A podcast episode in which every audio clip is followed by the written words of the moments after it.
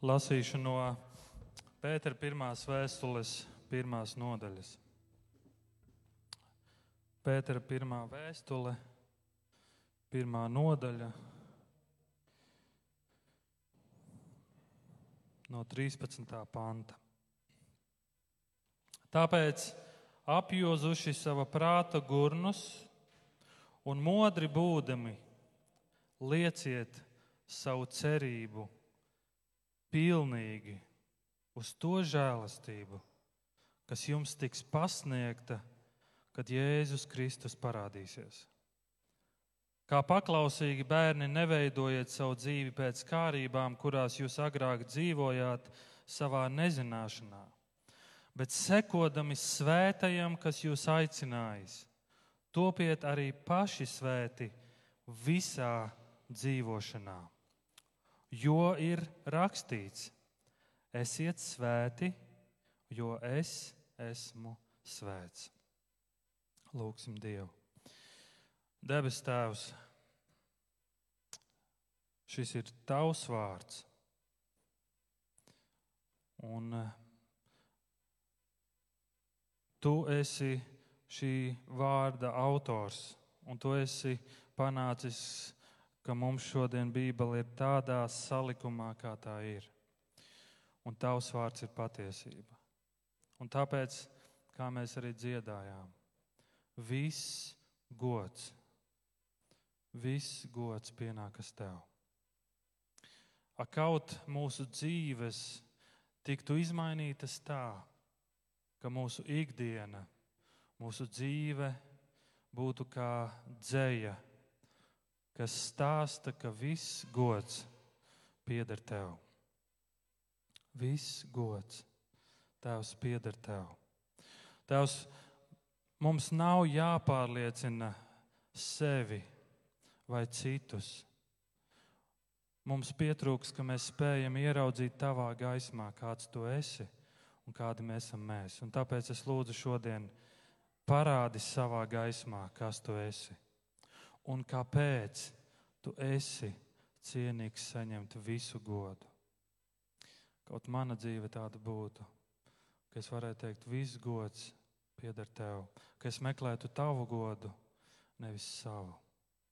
Tāpēc mēs kā draugi lūdzam, piedod mums, atver mūsu sirdis, maini tās un māci mūs. Un svētī savu vārdu šodien. Āmen. Lūdzu, sēdieties! Sveicu, draugi, jūs Jēzus Kristus vārdā. Mani sauc Raimons, es esmu viens no šīs draudzes sludinātājiem. Un, uh, sveicu visus, kas skatās tiešraidē. Un, uh, un šodien ir sajūta, nu, šodien ir tāda svētku sajūta. Vai jums arī? Man patiesībā bija sajūta, ka es gribu iet uz svētdienas skolu. Tad es sapratu, man jābūt šeit un, un man jāsludina. Kā jau mācītājs Girts teica, mēs īpaši septembra mēnesī eh, pieminēsim, domāsim par eh, mūsu baptistu vēsturi. Baptistiem 160. 160 gadus un 4 dienas atpakaļ notika kaut kas īpašs deviņu latviešu dzīvēs. Tas notika Klaipēdā. Deviņi latvieši apliecina savu ticību Kristum, kristībā, kristībā ar pagremdi. Pirmie pagremdētie latvieši, cik mums ir zināms. Bet baptisma iesākumi ir meklējami daudz agrāk, Anglijā. Un šīs kustības viens no iemesliem ir neapmierinātība ar pastāvošo reliģisko iekārtu un garīgo dzīvi garīgajos meklējumos noskaidrojās vajadzība pēc bībeliskas pagremdes. Un ko tas nozīmē? Tas nozīmē pilnīgi un galīgi garīgo saišu saraušanu ar pastāvošo baznīcu. Un es ticu, un mēs arī Baptistu, Latvijas Baptistu vēsturē un Baptist, pasaules Baptistu vēsturē varam lasīt, ka šī kustība nav cilvēku ambīciju vadīta, bet Dieva svētā gara vadīta kustība. Šie ticīgie, par kuriem mēs lasām, pagremdējies. Jo svētajos rakstos ierauga kaut ko tādu, ko pastāvīgā, pastāvošā baznīca bija ignorēta, ignorējusi. Un tā ir žēlastība. Glābšana caur ticību Dieva žēlastībā, caur Jēzu Kristu. Un tāpēc šī pagremdēšanās simbolizē gremdēšanos Dieva lielajā žēlastībā un cerības likšanu tikai un vienīgi uz viņa žēlstību, kas ir Kristus. Tāpēc, mīļais, šodien arī devu šo šodienas svētdienai, devu šo sarežģīto nosaukumu un aicinājumu mums šodien. Pagremdētais, gremdējies. Pagremdētais, gremdējies. Un es gribu, ka mēs šodien domājam kopā ar mūsu baptistu vēsturi un mūsu ticības celmaužiem, domājot par to, uz ko tad Dievs mūs aicina. Un, un septembris ir kā tāds jauns sezonas aizsākums. Un es gribu domāt, balstoties uz šodienas pantiem, par trīs pagremdēm. Patiesībā ir viena, bet es gribu domāt par, aicināt domāt par trim gremdējies žēlastībā, gremdējies paklausībā un gremdējies svētā dzīvošanā. Gremdējies žēlastībā, gremdējies paklausībā un gremdējies svētā dzīvošanā. Par, šīs, par šīm trim pagremdēm. Šonadēļ man bija saruna ar kādu draugu, kurš man atklāti arī pateica, Raimond, zini, ko es, man ir skaudība uz tevi. Kad es skatos uz tevi, uz tavu dzīvi, uz tavu laulību, man ir skaudība. Skaudība par tavu ģimeni. Un viņš saka, tev ir vienkārši ideāla ģimene, tur ideāla sieva, ideāli bērni un, un viss kaut ko viņš sarunāja man. Un es viņam teicu, tu zini, ja mēs ar ģimeni varam būt kā piemērs un iedrošinājums cilvēkiem, tad es tikai par to priecājos. Bet nevienā brīdī es pats tā nedomāju. Un es nevienā brīdī nedomāju, tas ir kaut kas, ko es esmu smagi strādājis un nopelnījis. Un tā kā es domāju par savu īso vēsturi, un es atskatos uz savu, savu sarežģīto dzīvi, Un es redzu, mana sieva tā ir liela žēlastība. Mani sievas vecāki ir liela žēlastība, jo viņi uzticēja savu meitu kaut kam tādam kā man. Un tad, kad man pašam tagad aug trīs meitas, un es domāju, ka būs bāleliņi, kas jās ar zirgiem un gribēs aizvest manas meitas prom, es saprotu, cik tas ir grūti. Mans draugs un daudz cilvēku apkārt saka, nu, tev paveicies, tev ir laimējies. Mēs ticīgie to sakam citādāk. Tā ir Dieva žēlastība. Tas ir tikai un vienīgi Dieva žēlastība. Nekas, ko es būtu pelnījis, nekas, ko es būtu smagi strādājis, nekas, ko es būtu nopelnījis, un šodien jūsu priekšā stāvēt un teiktu, paskatieties uz mani, cik es ideāls. Kādā sarunā mana sieva stāstīja kādai draudzenei par pasākumu, ko mēs organizējām mūsu pagalmā, un teica, tajā dienā solīja lietu. Un viņa teica, bet tieši kad bija pasākums, mums bija saulē, saulains, mums bija saule. Un šī sieviete atbildēja, tas tāpēc, ka tev ir īpašas attiecības ar to tur augšā, tev ir taisnā līnija, tev ir tiešā līnija ar to tur augšā. Un daudz cilvēki tur redzi tā domā. Interesanti lieta, ko es esmu pamanījis pēdējā laikā. Daudzi cilvēki jautā, vai es arī drīkstu nākt uz jūsu baznīcu. Un tad es domāju, kas tas par jautājumu? Visi, kas klausās arī tiešraidē, ja tu uzdod šo jautājumu, tad es gribu skaidri pateikt, tu drīksti nākt uz Vīlandes baznīcu jebkurā svētdienā, jebkurā brīdī. Baznīcas ir durvis atvērtas visiem. Un es domāju, varbūt tas ir paudžu jautājums, ka tagad jaunā paudze domā, šeit nāk tikai tie, kuriem ir īpašas attiecības, taisnās, taisnā līnija tur ar to, kas ir augšā. Cilvēki tā domā, ka mums ir īpašās attiecības, un tāpēc, ka mums ir īpašās attiecības, viss, ko mēs vēlamies, arī notiks. Vai tās ir īpašas attiecības? Jā. Tās ir īpašas attiecības, jo Bībele saka, mēs esam aicināti, mēs esam izglābti. Jā, tās ir īpašas attiecības, jo mēs atzīstam, ka viss ir no Dieva žēlastības. Mēs ticam romie, tam, kas rakstīts romiešiem 8,28. Un mēs zinām, ka tiem, kas Dievu mīl un kas pēc, pēc viņa iepriekšējā nodoma ir aicināti, viss nāk par labu. Mēs ticam, ka viss nāk par labu. Un es lasu Baptista, Bap, Latvijas Baptistu vēsturi, un mēs klausījāmies, ko mācītājs Girts šodien teica, mēs redzam, cik grūti viņiem ir nācies. Bet viņi mīl Dievu. Viņi apliecina, ka viss ir no Dieva žēlstības, bet viņiem nenotiek viss, kā viņi to vēlas. Bet viņiem joprojām ir īpašas attiecības. Mēs esam aicināti, un tas ir no Dieva žēlastības.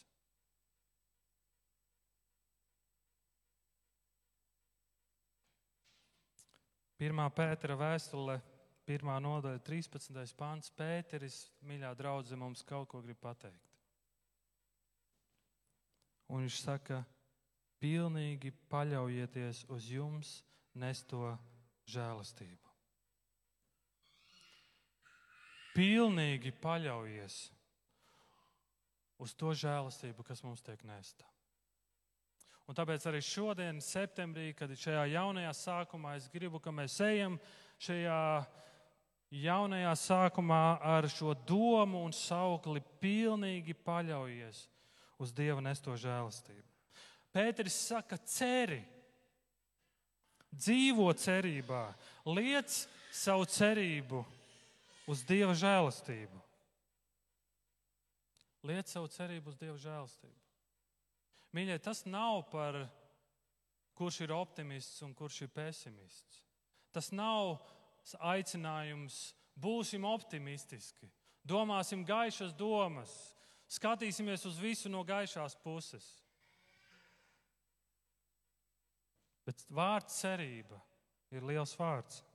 1. korintiešiem 13. mēs lasām, tā nu paliek ticība, cerība, mīlestība, šīs trīs, bet lielākā no tām ir mīlestība.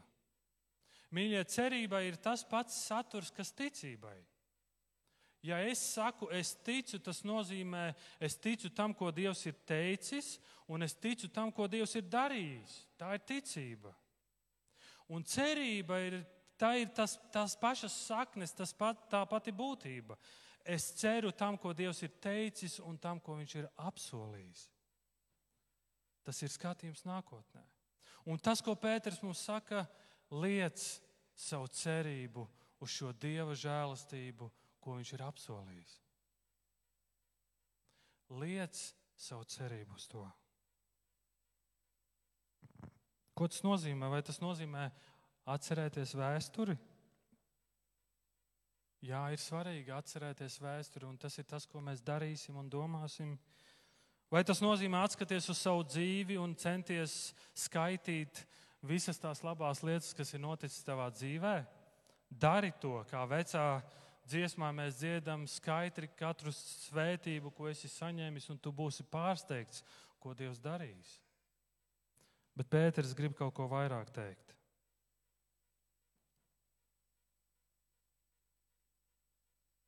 Cerība ir tas, uz ko mēs skatāmies nākotnē, uz ko mēs paļaujamies, kaut kas, ko mēs gaidām. Bet uz ko tad mums cerēt? Un 13. pants. Lieciet savu cerību pilnīgi uz to žēlastību, kas jums tiks pasniegta, kad Jēzus Kristus parādīsies.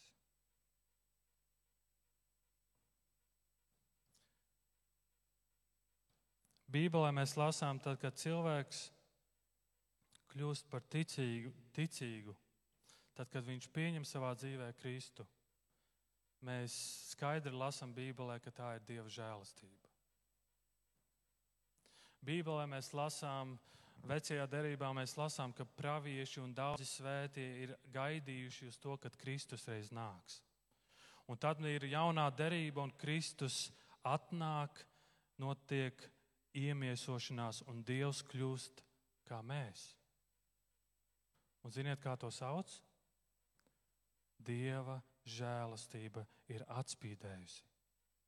Dieva žēlastība ir atspīdējusi šajā pasaulē, kur ir tumsa. Tā ir Dieva žēlastība. Un tad ir vēl viena Dieva žēlastība, uz ko visi ticīgie gaida. Un tā ir žēlastība, ko mēs gaidām, kad Kristus nāks atkal. Tā ir žēlastība, kad Kristus nāks atkal. Un tāpēc Pēteris mums saka un mums atgādina, pilnīgi paļaujies uz to žēlastību, ceri un gaidi uz to, kad Kristus nāks atkal. Jo arī tā ir Dieva žēlastība. Par otro atnākšanu mēs lasām, kad mēs tiksim atjaunoti, visa pasaule tiks atjaunota, būs taisnīga tiesa, visā pasaulē būs taisnīgs valdnieks. Un, un, un Bībele mums saka, ka tā ir Dieva žēlastība. Vai tu to redzi kā Dieva žēlastību?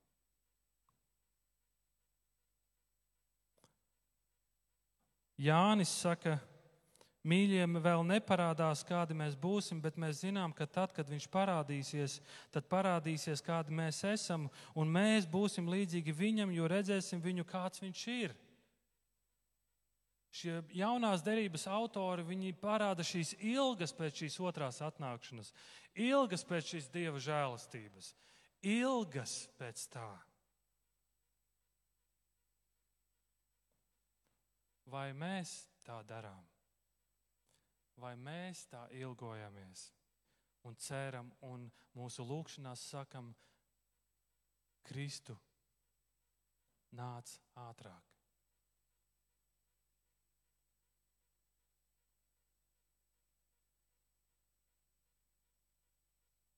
Tas, ko Pēters mums aicina, viņš saka, pilnīgi paļaujies uz jums nesto žēlstību. Gremdējies tajā gremdējies tajā, liec savu cerību uz to. Bet ko tas nozīmē? Kā mums to darīt? Tāpēc apjozu, apjozuši sava prāta gurnus un modri būdami, lieciet savu cerību.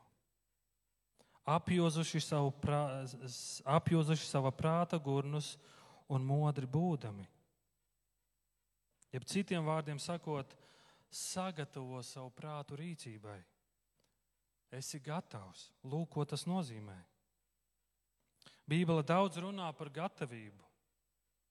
Tajā pašā pirmā pētra vēstulē, 4. nodaļā, bet visam gals ir jau klāt, tādēļ esiet saprātīgi un skaidrā prātā, lai varētu lūgt Dievu 1. pētera 5,8. Esiet skaidrā prātā un nomodā, jūsu pretinieks vēlns kā lauva rūkdams staigā apkārt, meklēdams, ko varētu aprīt. Esi gatavs, esi nomodā, apjos sava prāta gurnus. Sasien savas skurpju šņoras, ja tās ir vaļīgas, un esi gatavs doties uz priekšu, esi gatavs skrējienam. Ja kurpju šņoras ir vaļā, ko tu dari? Tu sasien. Ja tu nesasien, kas notiek, tu krīti. Sakārto savas prioritātes, sakārto savu teoloģiju, gremdējies žēlastībā. Tas ir tas, ko mēs lasām Latvijas Baptistu vēsturē. Brāļi un māsas, kas turējās stipri pie šīs cerības Un šī cerība uz žēlstību ir izmainījusi gan viņu, gan visu baptistu kustību. Mācītājs Pēters Egle, vērtējot šo laiku, saka, un tas ir tas, ko mācītājs Girts jau lasīja. Mūsu pagātne ir slavena, tā ir cīņu pilna. Vecie vadoņi bija cīņas ļaudis. Kas tāds negribēja būt, aizgāja no cīņas lauka. Bija jācīnās par lieliem svētiem principiem, bija jāiestrādā jauni lauki, jāieplēš jauna zeme, sviedri lija, bet arī asni rādījās. Ar cienību nolūkojamies uz strādniekiem pagātnē. Tie bija varoņi, tie darīja labāko, tie bija pravieši, kas saskatījuši kaut ko vairāk nekā pārējie ļaudis. Lūk, mīļie, pagremdētie. Mūsu mantojums. Bet ko mēs ar šo mantojumu darām? Ko mēs darīsim ar šo baptistu mantojumu? Mācītājs Tims Kellers kādā intervijā atzina, ja teica šādus vārdus.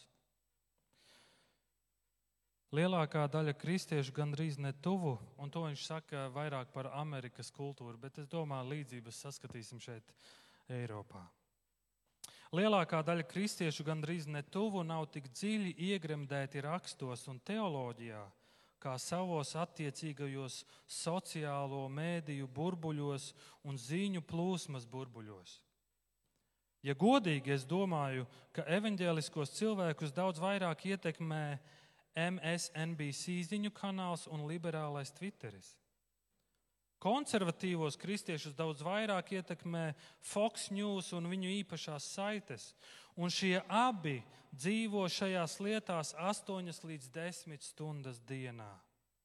Viņi dodas uz baznīcu reizi nedēļā, un viņi vienkārši nav iegremdējušies tāda veida Bībeles teoloģiskajos pētījumos, kas to niansētu. Pārāk bieži nav sakarības starp pareizu kristīgo ētiku un veidu, kā tas izpaužas politiskā un kultūras līdzdalībā. Pie vainas nav doktrīna, bet gan veids, kā cilvēki to māca un interpretē. Un tad viņš saka, mums jābūt tik iegremdētiem Dieva rakstītajā vārdā un patiesībā, ka mēs esam apmācīti pareizi izvēlēties. Bez iegremdēšanās Dieva vārdos mūsu lūkšanas var kļūt ne tikai ierobežotas un seklas, bet arī nesaistītas ar realitāti. Citāta beigas. Iegremdējies šajā žēlastībā, par ko mēs lasām, kurai mēs ticam, par kuru mēs lasām, ka tā nāks atkal. Apostolis Pāvils vēstulē Efeziešiem runā par piemēru par romiešu karavīru. Kad romiešu karavīrs izgāja kaujā, pirmais, ko viņš darīja, ir uzvel, uzvilka jostu un sasēja savu ietērpu. Visu kārtīgi sasēja. Un ja viņš kaut ko palaida, nes, atstāja nesasietu, tas varēja apdraudēt viņu cīņā. Savelc to ietērpu kopā, sasien to, kas ir vaļīgs sasien savas kurpišņores. Un Pēteris saka, dari to ar prātu, dari to pašu ar savu prātu, piesaisti savu prātu tai žēlastībai, par kuru Dievs saka. Un tas nav tikai intelekta jautājums, tas ir garīgās attieksmes jautājums. Izdari šos lielos lēmumus jau šodien.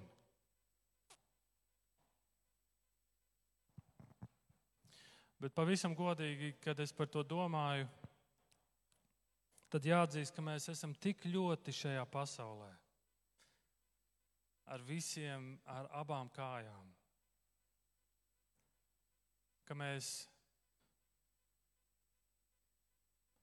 Kristus otro atnākšanu gaidām ar lielu satraukumu.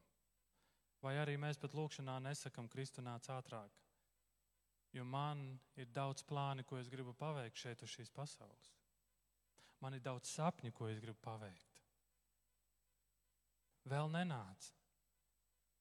Un kā tu domā, vai tas neskumdina Dievu, kad mēs tā domājam, kad mēs tā dzīvojam, lai Dieva žēlastība vēl nenāk, lai Kristus taisnīgā tiesa vēl nenāk, lai tas, ko Viņš darīs un parādīs žēlastību un atkal žēlastību, lai tas netuvojas, jo man ir savi plāni, man ir sava dzīve, lai tas vēl nenotiek. Tas skumdina Dievu. Kolosiešiem 3.2 rakstīts, savu prātu virziet uz to, kas augšā, ne uz zemes lietām. Mīļā, grimsim šajā Dieva žēlastībā. Uz ko tu liec savu cerību? Kad tev ir problēmas. Kas ir pirmais, uz kurien tu skrieni? Kas ir pirmais, kam tu zvani? Grimsti Dieva žēlastībā. Ceri.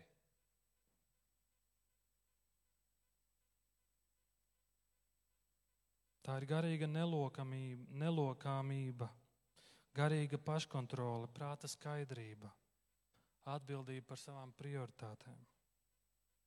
Tā ir disciplinēta dzīve, labi disciplinēta dzīve. Otrā lieta - gremdējies paklausībā. Un Pēters saka, kā paklausības bērni neļaujieties iekārēm, kurām agrāk ļāvāties nezināšanas dēļ. Paklausība ir kā vecāks, kura tēlu mēs nesam. Paklausība ir kā vecāks, kura tēlu mēs nesam. Efeziešiem 2. nodaļā 2. pants teiks, ka neticīgie ir nepaklausības bērni. Citiem vārdiem sakot, viņiem ir nepaklausība pēc savas būtības, viņus raksturo nepaklausība.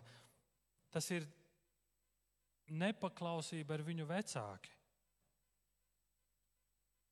Bet, mīļie, mūsu daba ir paklausība. Un šī ir atšķirība starp kristieti un nekristieti. Nekristieša raksturs ir nepaklausība, bet kristieša būtība ir paklausība.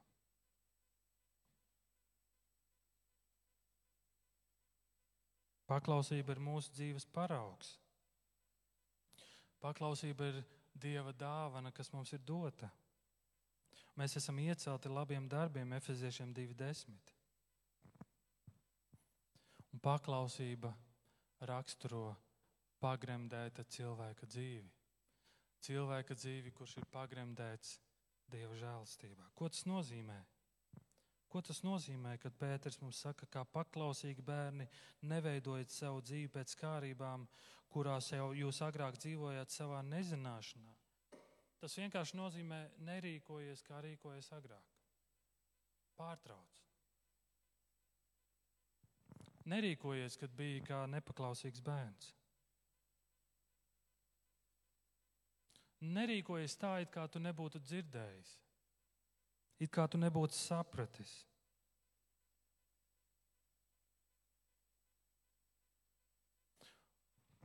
Un atkal man jāatgriežas pie žēlstības. Jo žēlastība ir tā, kas mums palīdz paklausīt. Žēlastība ir tā, kas mums dod spēku paklausīt. Žēlastība nav tikai stāvoklis, bet tas ir spēks, tā ir aktīva, kas palīdz mums dzīvot šajā paklausībā. Un tāpēc Pēters saka, gremdējies žēlastībā un šajā paklausībā. Gremdējies tajā. Un visbeidzot, gremdējies svētā dzīvošanā. 1. pētera 1, 15 un 16. Bet tāpat kā jūsu aicinātājs ir svēts, topiet arī jūs svēti visās savas dzīves gaitās, jo ir rakstīts: Esiet svēti, jo es esmu svēts. Un tad, kad mēs domājam par mūsu baptistu vēsturi, vai šī nav bijusi mūsu ticības varoņu pagremdēto patiesā motivācija? Tiekšanās pēc svētas dzīves, redzot to stāvokli, redzot to baznīcas situāciju, viņi ieraudzīja, viņi saprot, nē, mēs gribam dzīvot svētu dzīvi, balstīt uz rakstiem. Tā bija viņa motivācija. Kāpēc? Jo viņi ierauga, kāds ir viņu aicinātājs. Jo viņi ierauga un saprot, kāds ir viņu Dievs. Lūk, mīļie, mūsu standarts. Pats Dievs, kurš ir svēts. Lūk, mūsu motivācija pats Dievs, kurš ir svēts. Viņš nav uzstādījis šo standartu. Viņš ir mūsu standarts. Efeziešiem 5.1 ir rakstīts un aicināts, būdami Dieva mīļotie bērni, dariet tāpat kā Viņš. Darīsim! Bet, Pēter, kāpēc mums tas būtu jādara? Kāpēc mums būtu jātiecas pēc svētas dzīves? Uz ko Pēters atbild? Jo ir rakstīts. Ir rakstīts. Un kas ir rakstīts? Esiet svēti, jo es esmu svēts. Brālis Arvis šorīt lasīja ļoti īsu nodaļu no trešās mūža grāmatas. Kurš no jums izsekoja līdzi? Jo, viņš lasīja visu šo nodaļu, un tas, kas mani uzrunāja, un mana cerība bija, ka arī jūs to pamanīsiet. Un noteikti daudzi no jums to pamanīja. Dievs dod daudzus, daudzus norādījumus savai tautai. Dievs dod norādījumu, un viņš saka, Viņš sāk ar to, ka viņš saka, topiet svēti tāpat, tāpēc, ka es, es tas kungs, jūsu dievs, esmu svēts. Un tad viņš runā, dod norādījumu par, uh, par savu, ik viens, lai bīstas savu māti un savu tēvu un ietur manas sabata dienas. Kāpēc? Es esmu tas kungs, jūsu dievs. Nezemojieties svešu elku priekšā, nedariet sev, nedariet sev izlietus elku tēlus. Kāpēc? Es esmu tas kungs, jūsu dievs.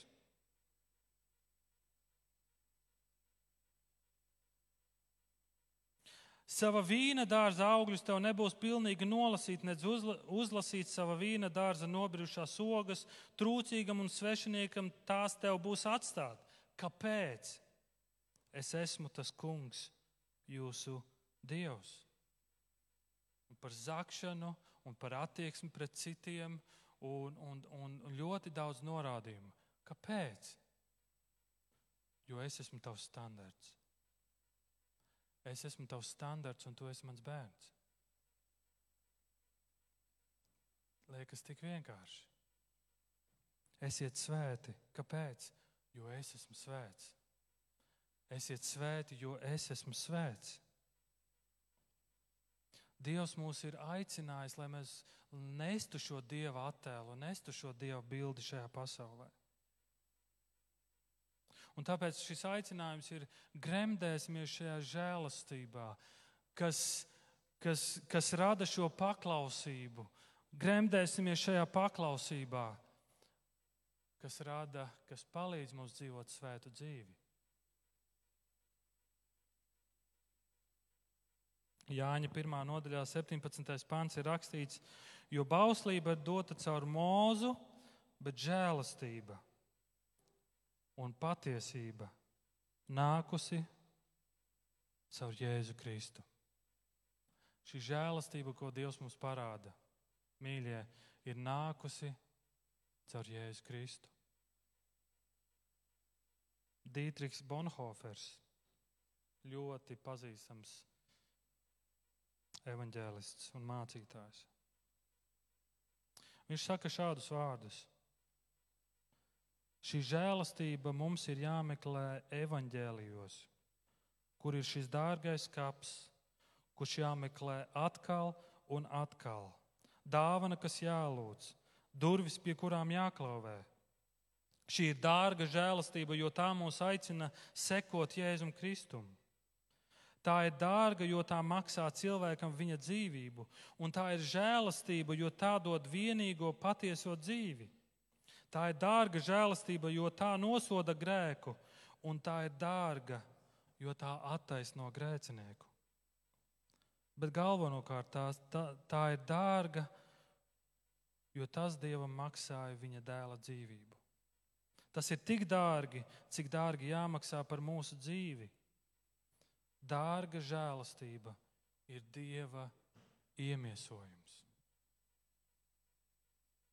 ir Dieva atnākšana uz šo pasauli. Lūk, mīļie, šis šodienas aicinājums mums no Pētera vēstules ir. Liec savu cerību pilnīgi uz šo žēlstību. Dzīvo savu dzīvi ar, ar gaidām un fokusē un maini savu prātu, gaidot, ka Kristus nāks atkal. Mūsu cerība ir uz to, nevis uz to, kas ir šeit. Sasien savas šņores, sakārto lietas, jautā šos jautājumus, kas tev ir jautājumi. Neatstāj to uz vēlāku laiku, jo šis ir žēlastības laiks. Un es vēlos noslēgt ar vārdiem no 1. Timoteja, 1. nodaļas 14. līdz 17. pants. Mūsu kunga žēlastība ir pārmēru vairojusies, dodot ticību un mīlestību Kristu Jēzu. Uzticami un pilnīgi atzīstami ir vārdi, ka Kristus Jēzus ir nācis pasaulē glābt grēciniekus, no kuriem pirmais esmu es. Bet apžēlots es esmu tādēļ, lai manī pirmajā Kristus Jēzus parādītu pacietību par paraugu tiem, kas ticēs uz viņu, lai iegūtu mūžīgo dzīvību. Gods un slava, lai ir mūžības ķēniņam neiznīcīgajam, neredzamajam, vienīgajam dievam uz mūžu mūžiem. Āmen. Gods un slava, lai ir mūžības ķēniņam. Ja mēs savu cerību liekam pilnīgi uz to žēlstību, uz kuru mēs gaidām, ziniet, kā izskatīsies mūsu dzīve? ka viss, ko mēs darām, ir mērķi. Gods, gods un vienīgi gods ir Dievam. Gods un slava ir Dievam. Lūksim Dievu.